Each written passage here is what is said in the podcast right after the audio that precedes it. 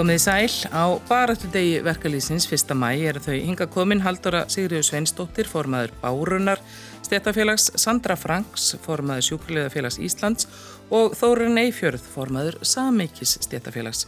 Öll sem sé samherjar í verkalýsbaráttunni og komið sæl og velkomin. Já, takk. Takk fyrir það. Eh, það er nóg til, er slagorð þessa dags í ár. 1. mæ sem að eins og í fyrra þá er hann svona með svolítum öðrum brag en ef maður byrja nú bara svona á henni, henni stæstu spurningu sem er auðvitað lítur alltaf að vakna á þessum degi. Hvað er brínasta verkefni, verkalýsfélaga og stjættafélaga núna árið 2021? Já, það Sandra. er, það, takk fyrir þessa spurningu. Mm. mm. Mikilvægast er það að innleggingin á styrtingu vinnuvíkunar að hún lukkist vel. Þetta verður að takast og mér sínist öll merki þess að þetta sé að sigla í, í höfn hjá okkur og það er, það, það er stóramálið hjá okkur. Í dag? Já. Það er náttúrulega, er akkurat að verða breytingar hjá vaktafinu fólki sem Já. vinnur hjá henni ofinbæra í dag bara, að hérna. Gildistímin er í dag, fyrsta mæ Já. og þá tekur heimitt stýtting vinnuguna fyrir vaktafinu fólk og það sem á sjúkrarlegar e, meira og minna eru flestir ávöktum, þannig að fyrir sjúkrarlega félagið er þetta stóramálið. En það er ekki alltaf það brínast allstað það sama, Halldóra? Hvað segir mann hjá bárunni? Eh, nei, þetta, þetta er nú stort málstýttingin og innleggingin er búin að taka hellingstíma og fólk hefur unnið þetta vel og saman.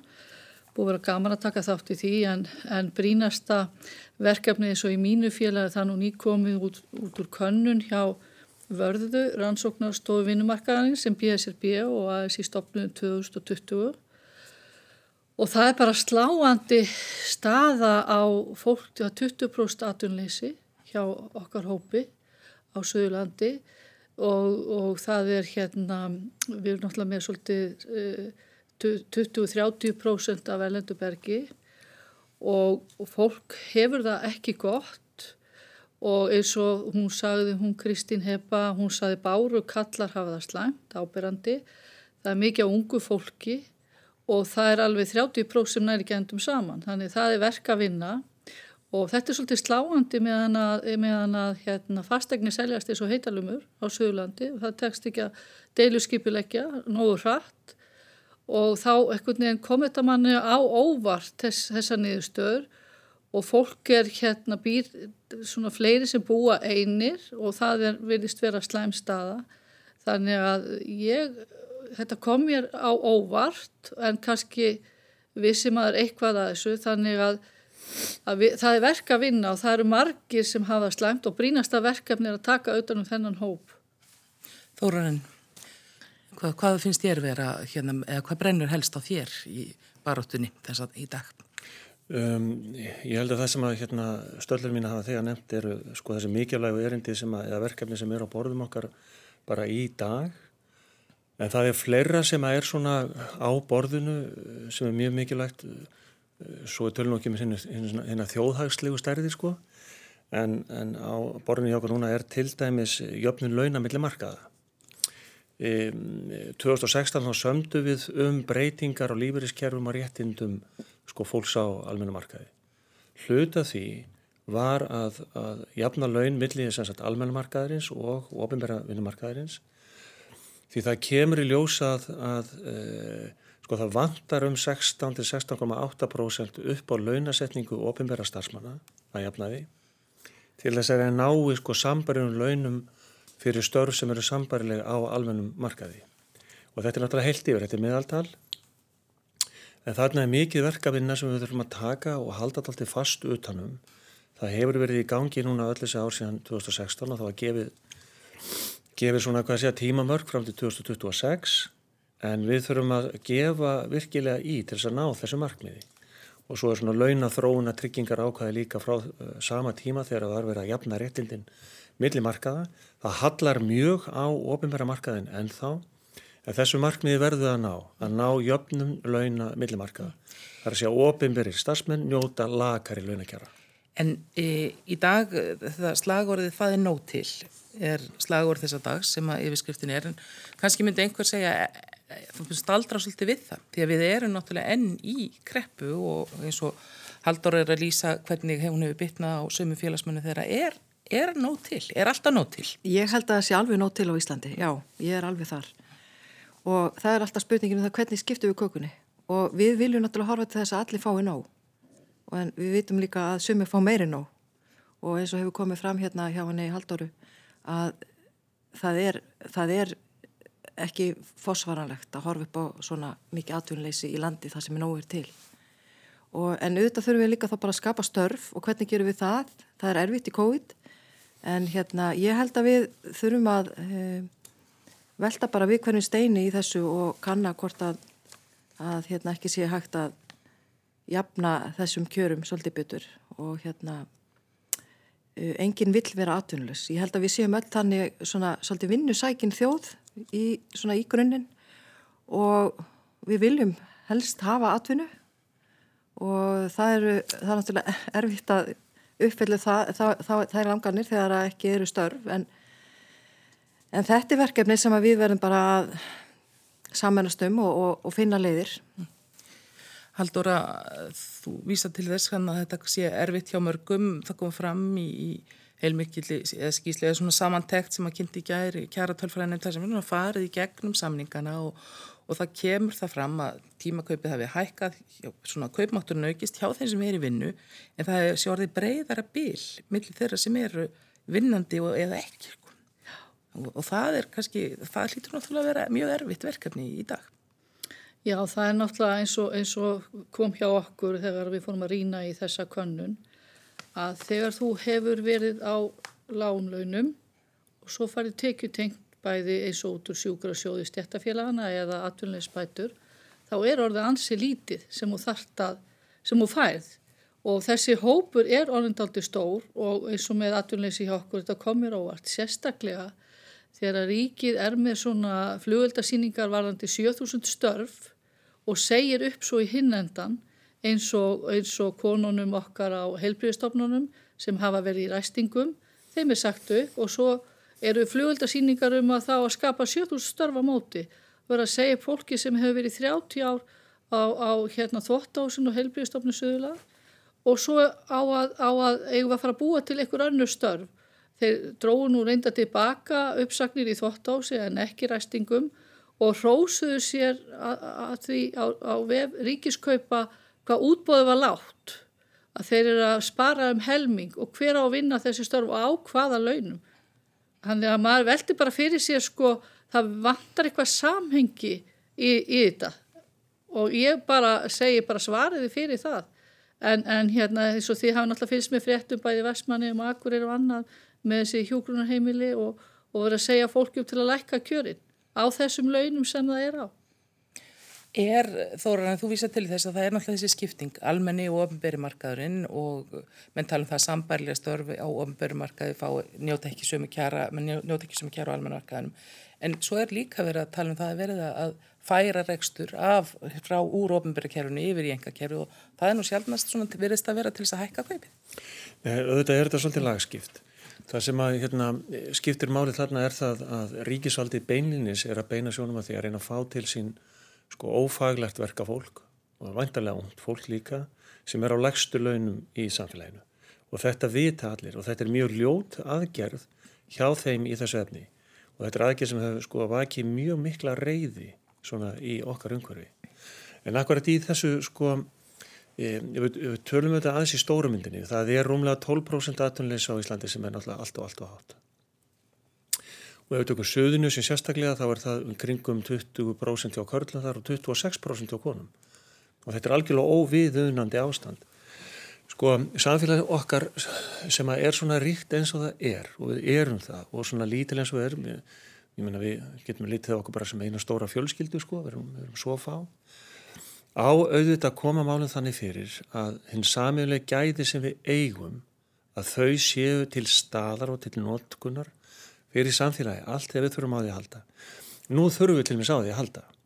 En það búið að koma málinn svo fyrir að gæðum landsins er svo miskipt, það er svo hrópleg miskipting í gangi sem fyrst og fremst náttúrulega byggist á því að okkar sammeðlur auðlindir eru nýttar á örfáum og til hagspota fyrir örfá. Við kannski komum að því síðar.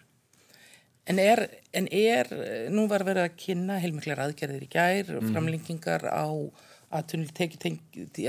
svona vera að reyna að koma til móts við þá sem hafa mistvinnu og yfirskriftin er, er svo náttúrulega að það er að reyna að hjálpa þeim sem að, og koma fólki til starfa aftur eins og Sandra vísaði til að mann vilti vera. Hvernig líst ykkur á þetta? Var, þetta var heil mikið sem að farið var í gegnum, þetta voru mjög fjöld þetta aðgerið sem voru mikið kannski verið að framlengja eða halda áfram eða tegja út og breyta einhverjum viðmiðum. Maður kannski næri heldur ekkit alveg utanum þetta og einu svona á degi þórarinn aðgerðan sem kynnta voru gær. Sko, allar þess að aðgerði held ég að það, er, það stefna einhvern veginn í jákvæða átt. Það er að segja, um, ég held að komin og svolítið fram í hérna, vinsaldakonnum stjórnmálamannana aðeins, að þar sem er verið að virkilega reyna að hjálpa stað og gera goða hluti, að þar er við bara að, að hérna, e, hvað sé að stefna er rétt á allt. Ég held að allt hjálpi, það hjálpar allt.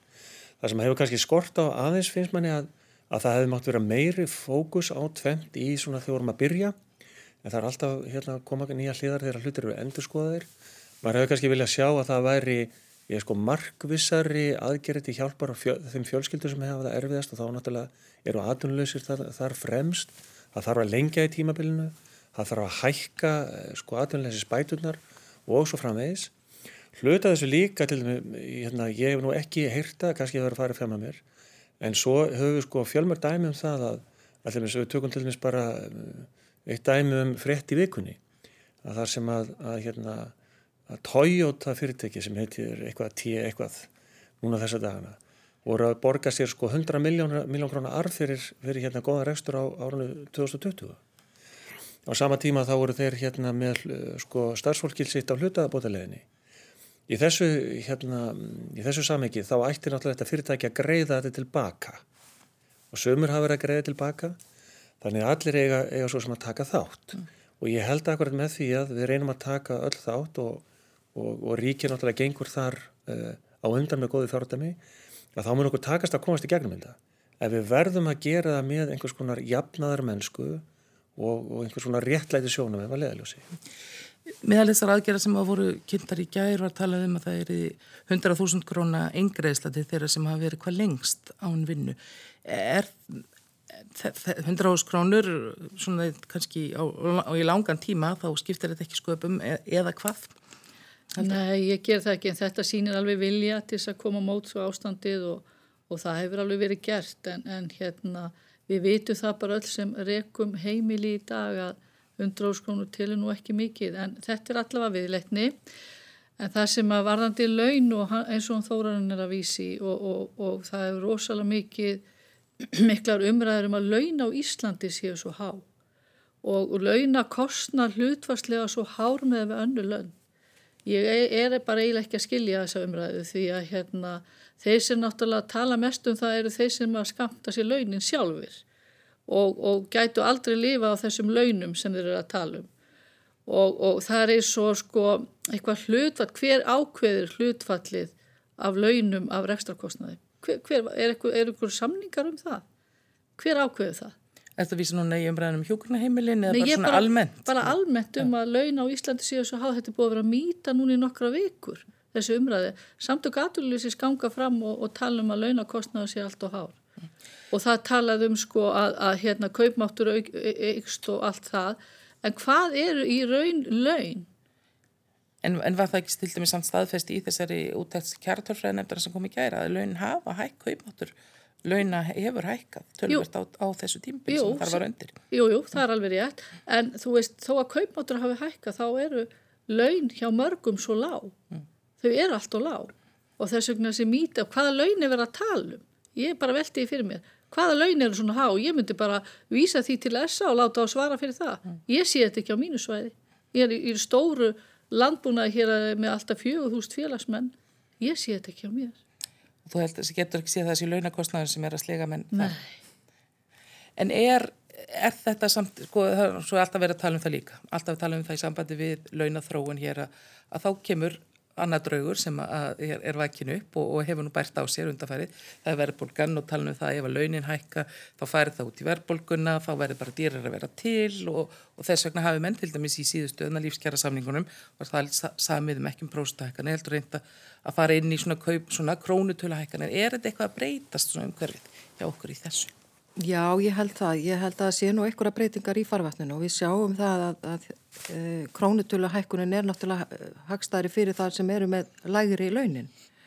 En ég get alveg tekið undir þessu sjóna með að launin séu of lág fyrir ákveðna, ákveðna tegundir e, vinnuafls og meðan aðrir eru bara með ágættis laun og, hérna, og ekkert að kvarti við því. En við meðum heldur ekki gleyma því að að húsnæðiskostnaður í dag er svo óbóslega mikill hluti af rástöfuna tekjum fólks.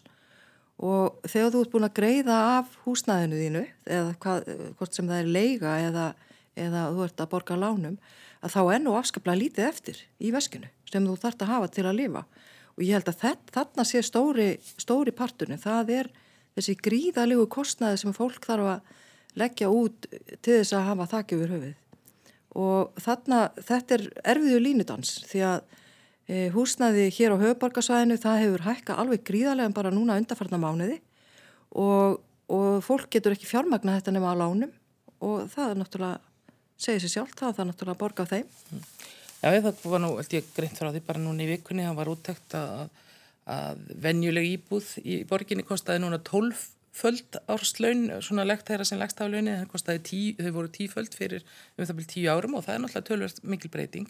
En um leið þá er það talað um það að það er, það er bara gríðarlega eftirspurn eftir húsnæði, það eru allir að fara á stað, það eru vakstakjörin hafa verið tiltölu hagstað og það hefur verið svona mikil spenna í fastegnumarkanum en er þetta eitthvað sem kemur verkalýsreifingunni beinlinnis við? Já, það gerir það, það, það, sko, er eins að hlýðar á þessu, en talandu um launin aðeins vegna þess að það er þessi blekkingaleikur oft þegar fólk er að tala um prósendur og nú höfum við að séð ímsa svona varðhunda sko kerfisins, ákveðskerfis, þá er ekkert á ríkisbakni, þá er þetta alveg kerfis hagsmunaðila sem að koma nú fram og segja að, að, að sko hækkan á launum séu svo og svo mörg prósent og næringar átt og ég veit ekki hvað og hvað. Svo við tökum dæmi sko, samningarnir síðustu 2019 á almenna markaðu þau ger og, og sem að sko nota benni lögðu línuna fyrir alla kjæra samningar sem ættu komu að þá var áherslan á það að þeir sem voru með rétt um 300.000 krónur á mánuði myndu að hækka í áfengum, fjórum áfengum til loka ást 2022 um 90.000 krónur, þeir sem að lægst höfðu launin og þessi krónutala hún fór á sko allt, allt kerfið, alla minnmarkaðin. Þá vart að tala um að þarna er verið að hækka lægstu launin sem að þá er, er um 390.000 notabene í lok samningstímans að þau hafa hækkað um liðlega 20%, 20%, 24% eitthvað sliðis og þá er galað og góla yfir því að laun sé að hækka um 24%. Þessi sama tala fóru á einhvern millistjórnanda í almennumarkaði sem að hækkar þá um hvað um þessar 90.000 krónur um 8-9% svona á, á tíanbylunu sem að hérna og, og öllum finnst það alveg sjálfsagt sko en það gerir ekki greina mun á því að annar aðeilin með 390 og hinn með miljón eða komin upp í 1100.000 reyndar og þetta, þetta er skekkjan sem að hérna er í þessu, hvað launin var í umræðinni Það, það, það skekkjan um prósundahekkan það um já, það er að segja, en nú vita það samt allir já, það, þetta voru krónutöluhekkan sem að það vita það allir, en nú er verið að tala um það í umræðinu og við sjáum það því sem bara hefur verið í fjölmjölum, að mér er að sko draga þetta fram sem alveg óskaplega mikla hækkun, þetta er engin hækkun á þessu lægstu laun, þetta og við vitum það öll sem að eru bara vinnandi á hérna, vinnandi í dag. En hins vegar sko E, sko í þessu stóra við verðum að líta til þess eins og með bara verðbólkuna, því varst að tala um það. Sko það eru, það hefur komið fram að þetta er húsnæðis þróun húsnæðisverðið og mjölkurafurðir það er þetta tvent sem að hérna hleypir vísitölinu upp hvað mest núna. Og auðvitað er það áhugjefni ef að, að verðbólkan er að fara að stað. En þetta er ekki þá hinn almenna neysla. Það er sér framfæslu neysla náttúrulega fyrir út af mjölkina en svo er vísutölu sko, útreikningur vísutölu er mannana verk. Og það er alveg spurningum það hvort eða hvað á að vera inn í vísutölunni að ég man eftir þegar við vorum að berjast við þessa umræði í, sko, í hruninu og hérna kjölfar hrunsins. Hvernig við ættum að meta hérna vísutöluna inn í eða sérst, hvernig þetta mæla verbulgu, bara vísutöluna að þá voru sko snjósleðar og alls konar mótorhjól og sportbílar og skútur og ég veist ekki hvað og hvað inn í vísutölunni þetta áður ekkert heima þarna En, en samt verður náttúrulega vístalinn að vera búin til úr einhverju og hún verður að vera svona einhverju samhengi þannig að það sé hægt að horfa aftur tilbaka mm -hmm. og, og þróun og það er kannski svona þó að séu tilvíljan að kendi þætti sem eru teknir inn eða snjósleðarnir eða hvað það nú svona er mm -hmm. þá, þá er þetta náttúrulega svona stór pakki og, og það er bara það sem þetta er þetta er bara að sapna af einhverjum kostnaði sem að menn hérna horfa svo hvernig hvernig þróast í heldina. Já, en þetta er ekki bara það. Þetta er líka, við þurfum að vera svolítið sátt í hugmyndafræðina. Býtu, hvað það að mæla? Egu að mæla það sem að svona, við getum í gegnum hagstofun að síðan að er þessi framfæslu þörf og það náttúrulega er húsnæðið auðvitað þar inni líka sko en egu að staldra við þar eða eru að fara í alla neyslu sem að bara ákveðin lítill hluti þjóðarinn að geta löfsir ef að það með mm. og neytir þar í mjög miklu mæli sko. Heldur þú að þetta sé eitthvað, er þetta, er þetta stórt mál samt hvernig vísitalinn er, er, er reiknum til? Já, þetta er náttúrulega alltaf verið inn í umræðinu Já. og það er alltaf þegar að farið að stað í launabaratu að þá er náttúrulega við höfum alltaf verið að kera króntölu, króntölu hækkanir hjá starfsgrænarsambandinu að sjálfsögðu, okkar hópur er það og þá er eins og sé eitthvað lögmalegi að fara upp allan stíga. Ég sé bara fólk með miljón þarf ekki launahækkun og við höfum alltaf sagt að það þarf bara ekki launahækkanir, það er bara nóg, það er bara nóg handaðið. En það er alltaf þetta, já þá fyrir þetta bara upp allan stígan og það er eins og það sé eitthvað lögmál, það er bara það sem við ákvöðum sjálf. En svo er þetta alltaf í, í allir þessu umræði, það er launathróun og launa og mat, mat hvers og eins á launum, það er alltaf endur speglast af mörguleiti af því hvernig mann setja sig inn í einhverja í samhengi við eitthvað annað og það er alltaf fljótt að koma líka þegar menn tala um það að það er að meta mentun til launa, það þurfum við að umbuna fólki sem hefur lagt á sig eitthvað, það þurfum að koma inn á móti og, og það megi ekki vera oflítill munu þó að mann til næsta árið segir mann alltaf já það auðvitað snýst þetta fyrst og fremst um það hvað ég fæ en ekki hvað einhver annar fær sem ég fær minni en ég en, en það er samt alltaf mjög stutt í það að við séum að horfa til þess að einhver sem okkur finnst að ætti kannski ekki fá jafn mikið og við sjálf sé að gera það. Sandra. Já, mm. þetta er alveg hárétt. Við stöndum hérna framifyrir því einmitt að bílið á milli einmitt fagstjætta, það, það er vandamál í raun og veru hjá, hjá sjúkralega stjættinni. Uh, launa, launa bílið á milli hjúkunarfræðinga og sjúkralega, það er, uh, það er ekki nægilega, eða það, er, það, það líkur of þjætt saman og það gerir það verkum að, að hérna það eru dæmið þess, það er sorglitt því að segja að hjúkunarfræðingar þeir hérna sem hefur þá bara áframmenta sjúkralið sem hefur farið í, í nám og tekið hjúkunarfræðina e, starfa sem sjúkraliði og gerir það á þeim fórsöndum að það er betra út frá ábyrðinni og launabilið séu bara þess eðlis að, að það er hagstæðara. Og þá hugsa maður, býtu, er eitthvað, þetta er eitthvað skakt þarna, það er eitthvað ekki alveg eins og á að vera og þetta er vond. Þetta heldur sjúkarlega stettinni niðri, má segja, fyrir, við, eða við lítum þannig á að hérna laun sjúkrarlega, þau eru alveg, eða byrjunarlaun sjúkrarlega, þau eru á pari við grunnlaun, uh, hérna, lámaslaun í landinu og það er líka vond því að til hvers að vera að menta sig ef þú hérna ert bara á, á grunnlaunum bara sem almennu stafsmæður þá viljum við að mentunin sé metin að veljögum og þú fái þá að njóta þeirrar þekkingar sem þú hefur í starfinniðinu og fá það í, í, í umbóð eða semst greitt þá í, eða fá það í hérna endurgreitt í launum. Og, og það sama má segja með aðra stjættur og þeir sem við erum að vinna með að þeir náttúrulega vilja líka að það vinnuframlag sé líka metið að veljögum háskólanám sé þá ennfrekar metið Þannig að þetta er, þetta er bara þekkt umræða og, hérna, og ég veit ekki alveg, ég er ekki með lausnin að þessu en, en þetta er ekki góð staða þegar við erum búin að e, keira þannig með okkar e, hérna, vinnuafl í heilbyrðiskerfinu að þekkingin sé ekki nýtt á þeim stöðum þar sem hún á að vera út frá bæði hæfni, færni og, og mentun og og launin eru ekki að endur speikla það sem að þú ert að leggja inn í, í, inn í kjærfið sko. þannig að þetta er, ekki, þetta er vond hérna En, en, en nú vísaður til fyrst að ég uppafi að það væri oflítið munum millir í sjúkrarliða og hjúknarfræðingar. Já, það, það er það. Ja. Það í mín, sko, það er kannski svolítið skrítið að segja það, en það er, það er ekki, sko, það, er, það loftar ekki nægilega, finnst mér, að, að þessu leiti. Það eru, launin eru uh, hérna Þa, það, Þannig, en já, en, en grunnlaun sjúkarlegana samt of lág líka. Þau eru á lág. Já, já. Þau eru á lág. Já.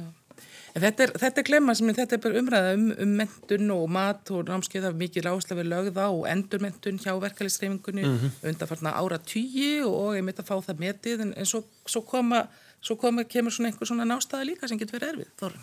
Já, hún getur verið mjög, mjög hérna erfið og það er að segja að það er orðin, ég held að sé orðin svona skekkja kannski sem okkur gengur svolítið kannski illa skilgreina. Það er, um, það, svo umræða hefur ekkert verið tekinu gagni og, og, og, og verður kannski aldrei leitt til, til líkta sko. Það er að segja hver á launaröðun að vera í samfélaginu. Sko, hvers vir, virði er, eru störf og ætluð að ranka þau eða svita þau upp í einhvern lista það sem er frá henni lagsta til hins hæsta og ég held að núna akkurat í þessu ástandi sem við erum, að, við erum í og vonandi að fara að koma út úr að þá hefur einhvern veginn þetta komist í sterkari fókus. Þar að segja e, hvert er virði starfa í samfélaginu? Sem dæmi. E, það er alveg klart mál að það eru ofinberi starfsmenn mjög víða sem hafa haldi kerfinu gangandi núna og, og aðeins til að skýra það nálar. Það er ekki bara læknarnir og hjókurnafræðingarnir á landsbytarnum. Það eru sjúkraliðarnir líka. Já, það eru mjög margir. Bara mjög margir sko, já, já. bara minna þau á það. Nei, ekki það, ég sagði, þetta sagði ég, það er ekki bara.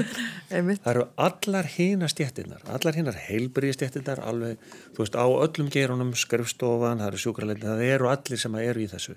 En það eru líka þessar stjættir sem að sé til þess að reyna að halda innviðanum gangandi til dæmis eins og kennarar, leikskólakennarar og svo framvegis. Mm -hmm. Allir þeir sem eru á þjónusta samfélagið þannig að samfélagið geti virkað og það er hlutur góðum starfsmanna að sjá til þess að gangverk samfélagsins sé í lægi að við höldum öllu uppi eitthvað sem heitir laugjæsla, brunavarnir, skólakerfi, heilbriðiskerfi, félagskerfi og svo framvegis. Allt þetta fólk hefur staðivaktina og staði sem er príði og þetta hefur hjálpað okkur í heildina aðunlífinu öllu, fóruldrónum og svo framvis, um, öllu þeir sem þurfa umunun og við getum gert þarna betur. Og spurningin sem að núna stend, hérna við stöndum fram með fyrir er e, samfélagið það tók á þessu verkefni. E, samfélagið á líka eignir sem að það hefur ekki fengið til sín en þá sem samfélagið á að fá til þess að tryggja það að við getum alltaf haldið í gangandi með þessum hætti Og hvað eignir eru er það? Já, nú skulum við fara að tala um auðlindi og auðlindagjöld og sjávarútvegin og allt það. Ja, við getum tekið langa sirpu með það, sko. Við, nú, nú stoppa ég og segja hvað er klukkan, hún er hálf tólf og, og við ætlum að svona halda okkur aðeins á, á þessum nótum og þau sitja mm -hmm. hérna hjá mér Haldóra Sigriður Sveinsdóttir, Sandra Franks og Þórun Eifjörð og öll eru þau í forsvari fyrir verkalýs eða stjættarfélög og við erum að tala um svona þetta um bara andrúslofti í kringum þessi kjæra mál, sko og það eru þetta svona, það er samt alltaf þó, þó ég hafi um, vikið aðeins á, á því að hérna áðan ofinberi og almenni markaðurinn og, og haldur nú hérna fyrir þá sem eru á hinnum almenna markaði það er það er samt alltaf þessi svona einhvers tókstreita þarna milli og þó er búið að vera það er búið að vera mikið, mikið starfunni undanfærið að vera að breyta líferiskerfinu og verið að svona samræma kjörin og, og en það er samt alltaf einhvers svona viss núningur þarna milli eða hvað, er það bara miskilningur hjá mér? Mér finnst það ekki vera mm.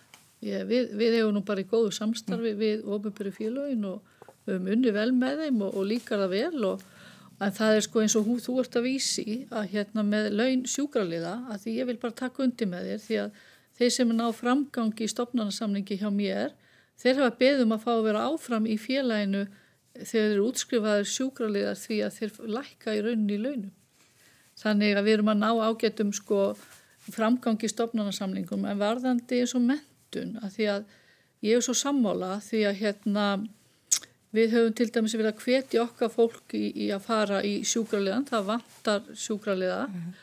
og við gerum bókun í, í samningnum hjá okkur síðast þar sem við ætlum að senda námsráðgjafa á fólkið okkar á hverja stopnun og reyna að, að liðka til þannig að fólk komist í, í, í, í ná. Að því að það, það vantar líka fjármagn inn í fullónsfræslu hún hefur verið á undanhaldi og, og það þarf að koma námi aðeins inn í vinnutíma. Það er mikið, það er rosalegt álega þú ætlar að vera í fullri vinnu, þú ert með heimili og ætlar að vera námi líka. Við þurfum að laga þetta, það er að breytast störfin og við höfum ekki undirbúið það nógu vel En varðandi núningmiðlu ofinbera og, og almenna markaðarins, þess að þú ert í rauninu að þá vísi stjættafélagin, í rauninu eftir að gera það, mér eru aldrei fundist í rauninu eins góð samstað á milli stjættafélag eins og er núna og góð samvinna og, og þær eru vinna vel saman hérna, fóristun okkar Drífa Snædal og Sonja Þorbjörnsdóttir og gaman að sjá þessar flottu konur. Ég hlustaði á þar í gær og, og hérna, það er mjög mikill samljómur mm. Þannig að það, það þurfist það ekki vera er, og það með ásóðsum segja líka að það, kom, að það eru þetta ekkit svo einfalt heldur að þeir sem að það séu bara, það séu bara sko aðeins í sem ég bara við almennt því að það eru þetta fullt af félögum hjá alþýðisafnum sem er vinna hjá hennu ofnbæð með einhverjum hætti og, og öfugt, þetta er ekki svona klár skipting lengur eða, eða var það kannski aldrei? Nei, það er bara rosalega margir og það er alltaf að fjölga í rauninni ofnbæðum stafsmennum í mínu félagi, mm. bæði hjá ríki og sveitafélagum.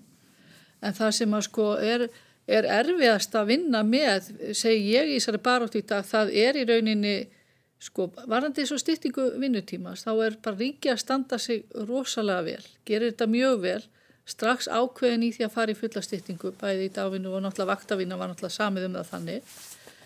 Sveitafélagin er bara ekki að standa sig vel. Sveitafélagin hafa bara dreigi lappirnar og eru ekki að standa sig vel og volandi stendur þetta í bóta því að þetta samkomla má, má taka þetta upp og sumur að semja til þryggja mánada og alltaf láta reyna á þetta fyrirkomulega maður vonar að, að þeir fara að hísja upp um sig, svo ég orði það nú bara þannig. En, en ríkið er að standa sig mjög vel í þessu, varðandi okkar hlutverk stjættafélagin sem er meðan almennamarkað þar er aftur staðan ekki góð og hún hefur vestnað, ég er nú búin að vera síðan 2001 í þessari baráttu. Og samskipti SA og okkar, þau hafa bara það er orðið ákveði vantraust það er orðið sko markvist verið að segja fólki að borg ekki stjættafélög og það er eitthvað, því að stjættafélagsaðald á Íslandi er mjög há og þetta er eitthvað nýr veruleiki sem við erum að sjá að, að, að hérna fólki bara hreinlega sagt eigi ekki að borga í félög. Er það, það, vin, er það vinnuveitandin sem að já, ger, gera já, það þá? Já. En er það eitthvað sem að máli skiptir eins og vísa líka til þá er hún mjög almenn stjættafélagsaðald á Íslandi? Hún er almenn en þetta er orðið nýr veruleiki sem við horfum framfyrir og það var nú bara í brúarvirkjun í biskustungum stórt íslenskt fyrirtæki með undirvertaka og þar greiti engin í stjættafélag samt þjónustu við, við sagt, þessa félagsmenn og þeir vildu gangi félag þeim að markvist haldi frá stjættafélag. Það var stórt og velþægt eh, fyrirtæki á Íslandi sem var yfir, yfir verkinu og var svo með undirvertaka. Þetta er nýjir umveruleikin og þannig er komið eitthvað nýtt sem við erum að kljást í því að við eigum erfitt með að verja fólk ef við vitum ekki af því að borgar ekki. Er, hafið þið ágjör af stjættarfélagsaðeld, hún er nú mjög almenni hjá hennu ofnbæra? Já, hún er það. Mm. En það ásér líka sko mjög, að, formlegar ástæður og það er til dæmis félag, félagur okkar á Norðurlöndunum og líka í Európa þau líta svo, svolítið með öfundraugum til okkar oft á tíðum. Að því að á almannamarkanum þá er ASI félagin þau eru með forgásaréttar ákvæði til samninga um störf og það byggist að stóru hlut á hefðinni. Þess vegna er þetta svona skipt eins og þetta talum það er ekki starfræðaformula þetta er hefðin segir svolítið til um það.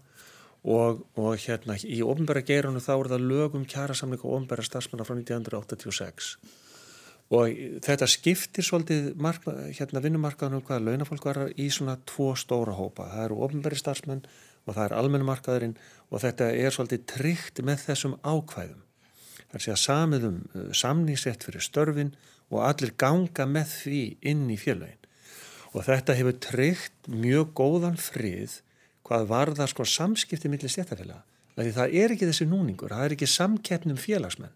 Það er ekki, það er ekki þannig. Og það er bara mjög gott. Þá er þetta alltaf stabílt og menn geta sko einbitsir, að fólk getur einbitsir bara kjarnanum að reyna bara að semja vel fyrir sitt félagsfólk og halda vel utanum sko réttindi og þjónustu við þau. En ég tek undir það, við haldur að hérna að sko ásýnd, áherslur og framganga SA til dæmis gagvart ofinverðu starfsmennum og gagvart ríkjun í starfsmannahaldi þess er bara 8-10 til skammar. Þeir eru sko þykist að hérna, hafa rétt á að hafa einhverja skoðanir og gefa út álýðsgerðir um eitthvað sem þeim bara kemur ekkit við. Reyndi ekki.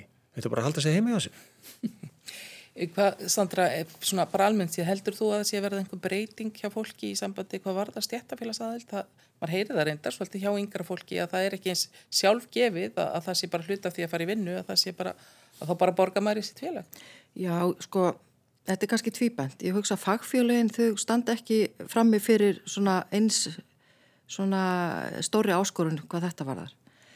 Það er, það eru ákveðin forréttind að vera í, í stjættafélagi fagfélaga þannig að það eru þeir sækja þangað og, og eru eiga þessa einslitnu svona verkefni mm. sem að styðja náttúrulega bara málstæðin Uh, það er náttúrulega rík hérna, stjættafélags aðild á Íslandi almennt séð en ég hugsa að unga fólki sé svona eitthvað nefn værukærara. Það eru betri kjör svona almennt í landun heldur en var fyrir 50 ánum síðan og það er, fólk er búið að halda nefnum á lofti í öll þessi ár og fengið framgang í störfum.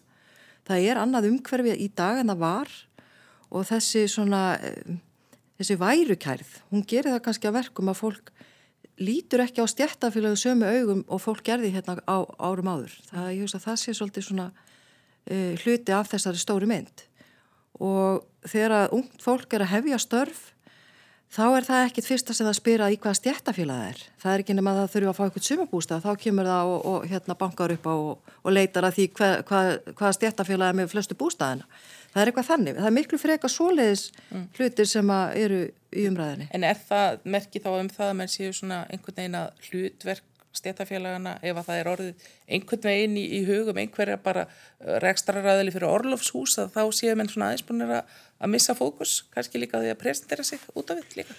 Þetta er, þetta spurning sem að við spyrjum okkur að kannski á hverjum degi. Mm. Veist, hvað er hérna, hvernig, og erum alltaf að reyna að finna taktin í því og, og púlsinn hvað félagsmenn vilja, hvernig þeir hérna líta á okkur og, og hvernig við getum komið og stutt betur við þess að framvegis og stundum finnst okkur heyr, við heyra allt og lítið frá félagsfólki en svo hérna örðum við náttúrulega fyrir mjög ánægilegri reynslu það, þegar sjúkrarlega félagið og, og þá SFR sem var eitt af félagunum sem, sem stóð, eða annað félagi sem stofnaði samiki að þegar við fórum í verkvallið 2015 Já og með lökunni og já, lauruglan hafði ekki, hún var með okkur en hafði ekki verkvals heimilt en einmitt það sam... þegar hérna, við fórum í þessa aðgerðir sem voru gríðarlega umfangsmiklar að þá allt í nú streymdi félagsfólki til okkar þá sáum við sko að það var.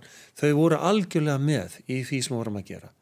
Og þegar við greitum atkvæði um sko um hérna e, bóðun verkvalsins og hvernig við stiltum því upp þá man ég ekki það var sko Eh, það var svo gríðarlega mikil þáttaka í öllu ferlinu og það kom okkur mjög óvart. Fólk var alveg þarna. Það var, en það var ekki fyrir að, að það, það koma einhvers konar baráttu eh, eitthvað sem þurft að gera að það kom. Og við sjáum það líka að hjá okkur að þeirra að þeirra hérna, félagsmyndur okkar lendaði svolítið svona kannski remmingum á vinnustad eða þarf aðstóð eða þarf sinn bakkjarl að þá eru stjættafélagin þá eru þau bakkjarlin þau koma og leita aðstofar og það er allt mögulegt sem að er rætt þar. Sandra? Já, ég hérna mér langar bara að koma því að sjúkrilegar og sjúkrilega félagið þeir hafa, eh, hérna, þegar maður býra því að hafa svona fagfélag að þá e, gerir það verkum að stjættarvitundin, hún verður einhvern veginn sterkari. Og við búum að því að, að sjúkrilegar eru með mjög ríka stjættarvitund og þeir vita hvað þeir vilja. Og þeir vilja hærri laun og þeir vilja betri kjör og þeir vilja framgangi starfi og þeir vilja bæta við sér mentun og þeir vilja að stjættafélagið drægi tauminn og, og beiti sér fyrir því að þeir, þeir fái það sem þeir orska þannig að, að þetta er hérna, þetta er bara alltaf upp á borðinu hjá okkur við verum með mjög skýra stefnum um það hvert við ætlum en það eru margar hindranir í veginum og, og við gerum þetta ekkit einn þetta er bara, þetta er samvinna og stór partur af þessari hérna, kjarabáratu sem er núna að taka gildi í dag, 1. mæ, er svo emitt að stýtting vinnuvökunar, það að 80% hérna, vinnuframlag sjúkraleiða á vöktum sem meti sem fullt starf. Þetta er búið að vera baráttu mál stjættarinnar í ára tíu ef, ef, ef ég mann rétt. Og hérna og þetta er bara eðlilega krafa að okkur finnst því að, að vinna á vöktum er ofsalega krefjandi og líjandi. Og starfstrekkið sem að hérna, sjúkrarlegar eh, hafa, það bara það síni það að þetta voru mörkin sem þeir höfðu í vinnuframlægi. Árum saman voru þeir í þessari starfsprósentu, svona í kringum 80%. Já, þannig að fólk bara treysti sér ekki það, í að taka, taka meira en það. Nei, það var nákvæmlega þannig mm. og, og þetta var bara veruleikin, en það lifi náttúrulega engin á 80% launum, við vitum það. Þannig að það að vera búin að þó að vinda þetta svona saman að vinnuframlag sem nefnur 80% svona vinnuframlagi í dagvinnufólks þegar vinnuvikan var 40 stundir sem etið sem nána, nánast 100% eða fullt starf og fólk fái þá þessi 100% laun sem að manni finnst eðlilegt. Það eru, það eru kjara... Þetta er mikilvægur áfangi. Þetta er alveg rísa stór áfangi fyrir okkur og okkar stjætti að þarna sjáum við það að sjúkarlegarnir þeir geta unni í fullu starfi og geta elst bara þokkalega í því umhverfi. Þannig að þetta er bara... Sandra er hérna að lýsa kostum þess að vera með svona einsleitt félag þar sem allir eru samastöru.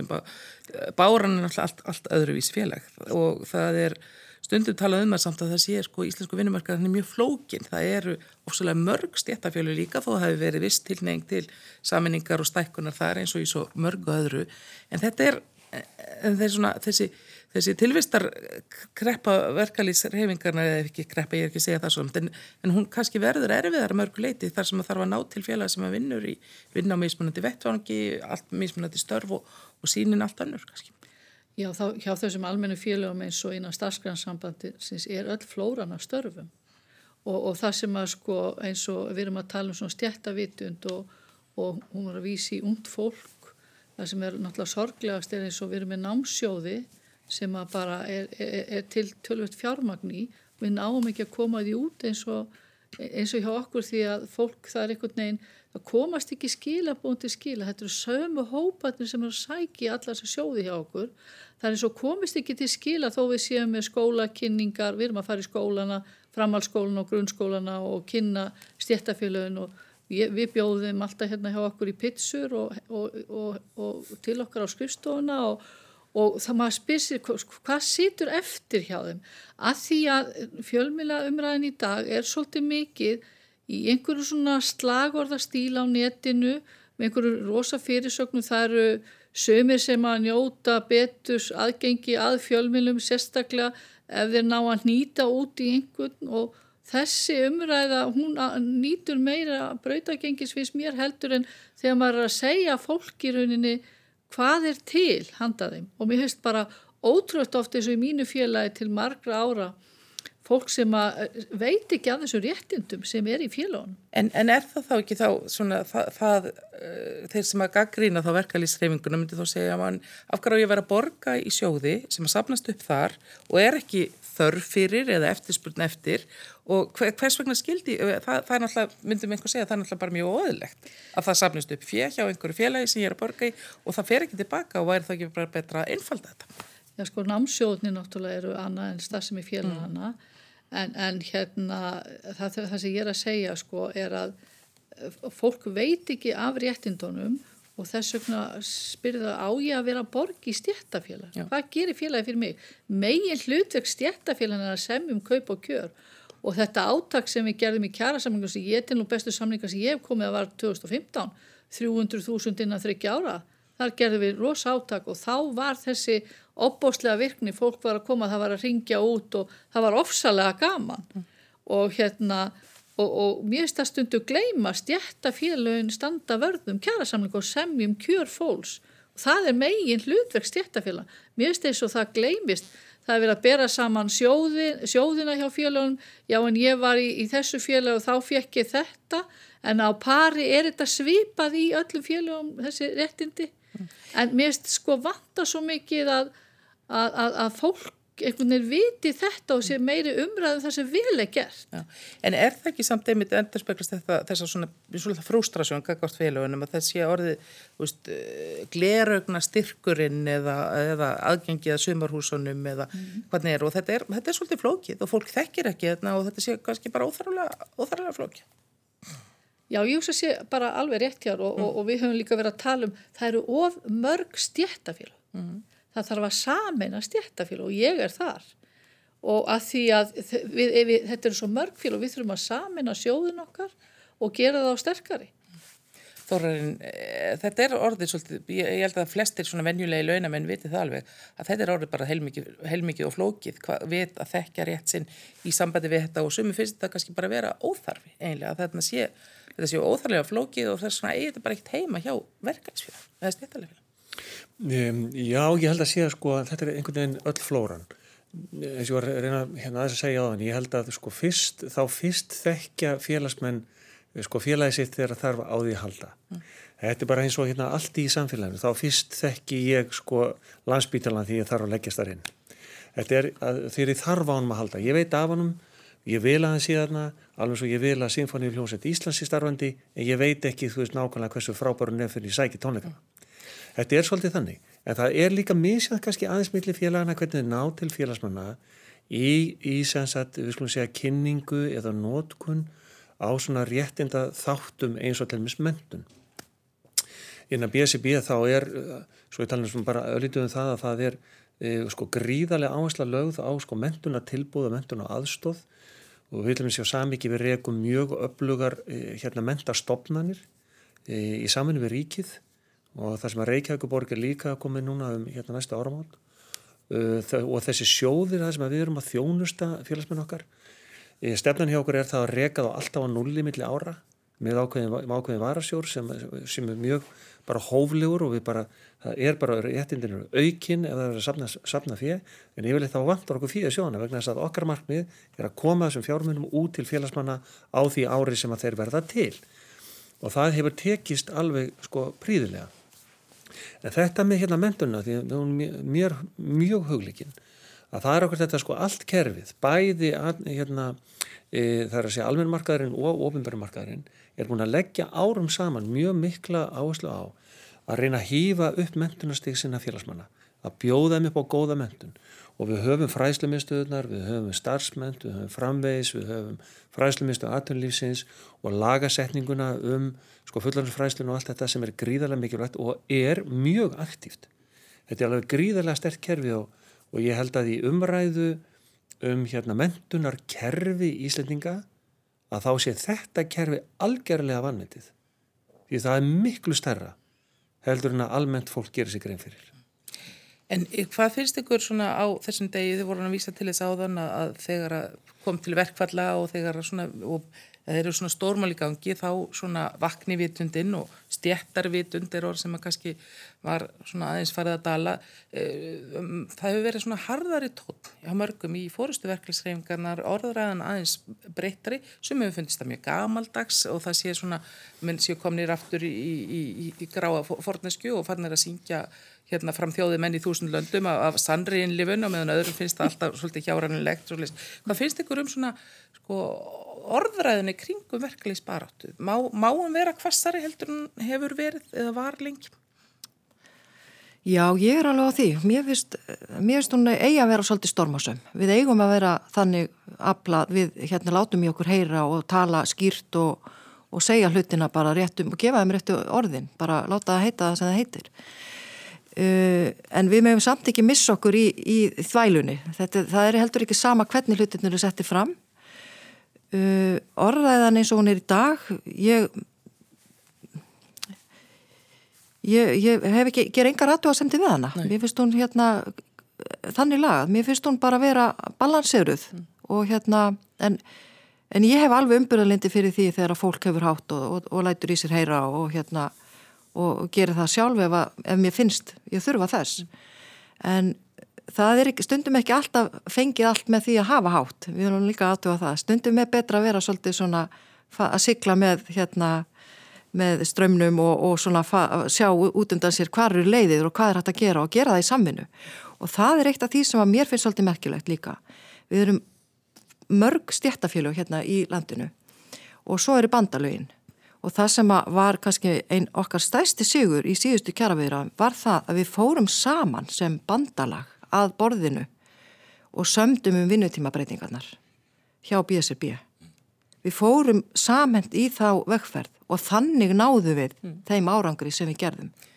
Hefðu við farið sundröð og hvert og eitt okkar þá efast ég um að árangurinn hefði verið svo sami og fyrsta mæ er náttúrulega aldrei hólu hljómar í því að tala um samtakamátt verk, verkalýsins eða launamann aldrei.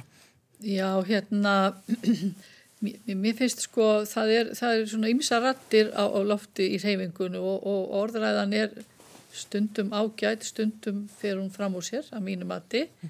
En e, það er oft ekki kannski þeir sem að hafa hæst og tala mest sem vinna bestu vinnuna.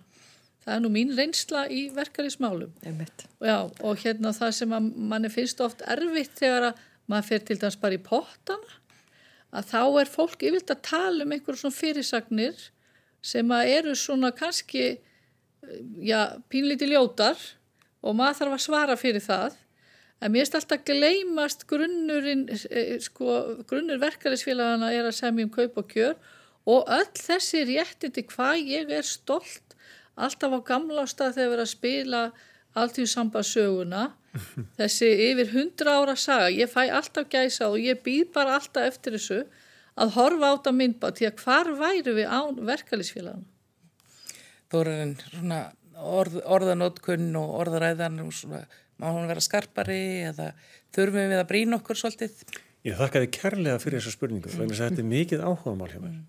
Það er að segja að við erum komin með í, í sko þjóðmála umræðinni, sérstaklega hvað var það sko hagsmunasamtök og einstakar stjórnmálaflokka, útþynningu á orðanótkun, þannig að sko að það, þegar sumir menn opna munnin þá kom, kemur út um eitthvað sko merkingálega sljóð að þeir mennur að fara að þinna út eh, ja, niðurskurður blóðu og niðurskurður ríkisrekstri gæti verið eins og það þarf hagrannar mildar aðgerðir til að sjá fram á við náum endun sama varðandi fjármála á allir til næstu fimm ára mm. og þetta hefur enga merkingu mm. ekki nokkra og, og, og hvorugt Hvorki blóðu niðurskurður með einar hagrannu mildar aðgerðir. Já, já, það er, og þetta er orðið svolítið vandamál það að segja hlutina bara eins og þeir eru þannig að við skiljum hvað er það sem að er, fara, er að fara að gerast. Talandi um hundra ár. Uh, ég las því ég var hérna, ég var unglingur held ég bref til Láru eftir Þórberg sem var náttúrulega bara eina sem skildu lesningum. og ég tók hann aftur upp núna bara nokkur vikum og las hann aftur og maður gefur sér tíma í COVID til að gera ýmislegt. Og, hann, og þessi bók er skrifuð hvað 1923 og Hann er að tala um jafnaðamennskuna og það sem að kemur aftur og aftur og aftur að er hvernig útgerðar auðvaldið á þeim tíma ræður ríkjum og ræður hvernig almenningu situr eða stendur, kjö, ræður kjörum þessu afkomu. Þetta er nákvæmlega sama umræðan og er í dag. Það er að sé hundra árin síðar erum við ennþá að tala um það hvernig okkar helstu auðlindir eru notaðar, hverji fóða notaða, minnskiptinguna og svo framvegis. Það hefur sára líti breyst. Mm. Formið hefur breyst, en það sem að hérna við höfum ekki náðið að þó því miður, það er þessi viljið þjóðurna, 83% af þjóðurnar, sem kom í ljós við atkvæðarisla 2012, um það að auðlindin er samegn okkar allra og við eigum að fara með henni í kerfi, það sem að samfélagi nýtur, semst arðsins af henni. Mm en ekki fáur einstaklingar. En ekki fáur einstaklingar. E, það er talað um það svona, við höfum náttúrulega, þetta ár við verið undirlagt af farsóttinni að mestuleiti, fyrsti mæ er ekki með sama sniði eins og vandir.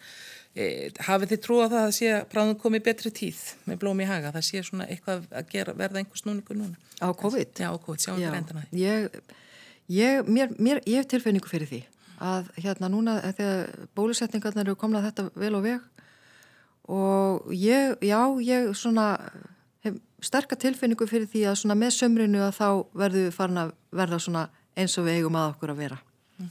Heldur þú það, Aldóra? Jú, jú, ég tek undir það og það sem að COVID hefur nú kosti og galla að fólk hefur nú ferðast meira um Ísland og, og, og það er núttilega bara dásanlegt að ferðast um Ísland og maður er búin að bóka bara fullt af hérna gistingu í sumar og hlakka bara til að, mm. að fara en ég býna allir þólasöp þar sem að COVID er búin að vera ansið slemt núna en ég held við séum komið fyrir vind vonandi mm. Þorðin heldur að er, er það eitthvað að snúast?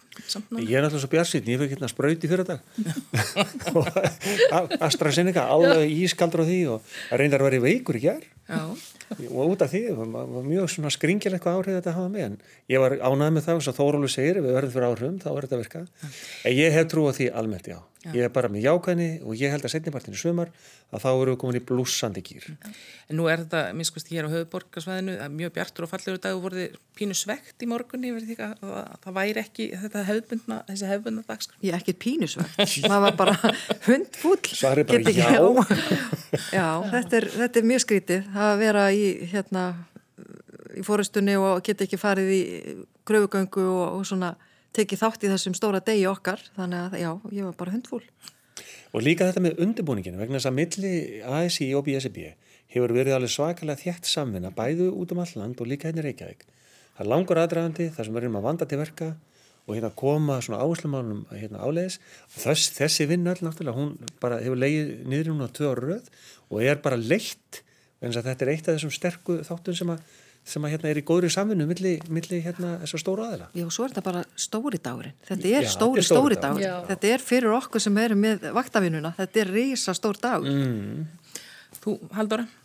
Jú, ég bara, þetta er, ég bara tek undir með þeim, þetta hefur alltaf verið einmitt góð samvinni hjá öllum stjættafélagum á Suðurlandi og við munum þar vel með BSRB á þessum degi og maður fyllist alltaf einhverju lotningu á þessum degi og það vantar svona eitthvað hjá manni í dag en maður býður eftir kvöldin í kvöld og bara minna á dagskrána sem verður klukka nýju kvöld og býður spennt eftir að horfa á það. Þannig þið ætlaði að býða, sitt hérna núna daginn og bara býða eftir því Já, ég er eiginlega að- að- þar, sko. að Það Já. hvað, er, það, er það verkefni dagsins? Ég er eiginlega þar sko. Já. Kannski ekki alveg. Kannski ekki alveg. Nei, ég var að mynda hérna, ég sagði við konum mín í morgun þegar við lítum út á glukkan og var svona ofsalega bjart snemma í morgun og það segja, jæja, nú þarf að fara aðtöða hvort að lofti í dekkjanum og tjaldvagninu sé allt í lagi. Sumarið er að koma. Því horfum fram á sömurinn. Já. Sandra, hvað ætlar að gera þannig til dagskráin byrjar? Haldur alltaf bara að sitja og býða. Allt ég far ekki bara að vinna. Já. Það er... Má, og- það, má það? að- Já, ég maður notar hverja stund sem, að, sem gefst, já. Ég, hérna, það eru, verkefnin eru næg og ég, ég, ég noti bara, já, svona hlutadeginum ég að eh, skrifa svolítið og, og hérna, og svo bara ætla ég að njóta kvöldsins. Já. Fyrir fram að sjálfið. Já, en við vonum kannski að miskusti að svona hvað það varðar, þá verðum við að öðruvísi stödd eftir ár þegar aftur rennur upp fyrsti mæ og vartu dagur verkalýsins. En ég þakka ykkur kærlega fyrir kominu til míninga í vikulokkin. Haldóra Sigurður Sveinsdóttir, formaður Bárunar, Sandra Franks, formaður Sjúkrilega félags Íslands og Þórarinn Eifjörð, formaður Samækis, verið sæl. Kæra þakkir. Takk.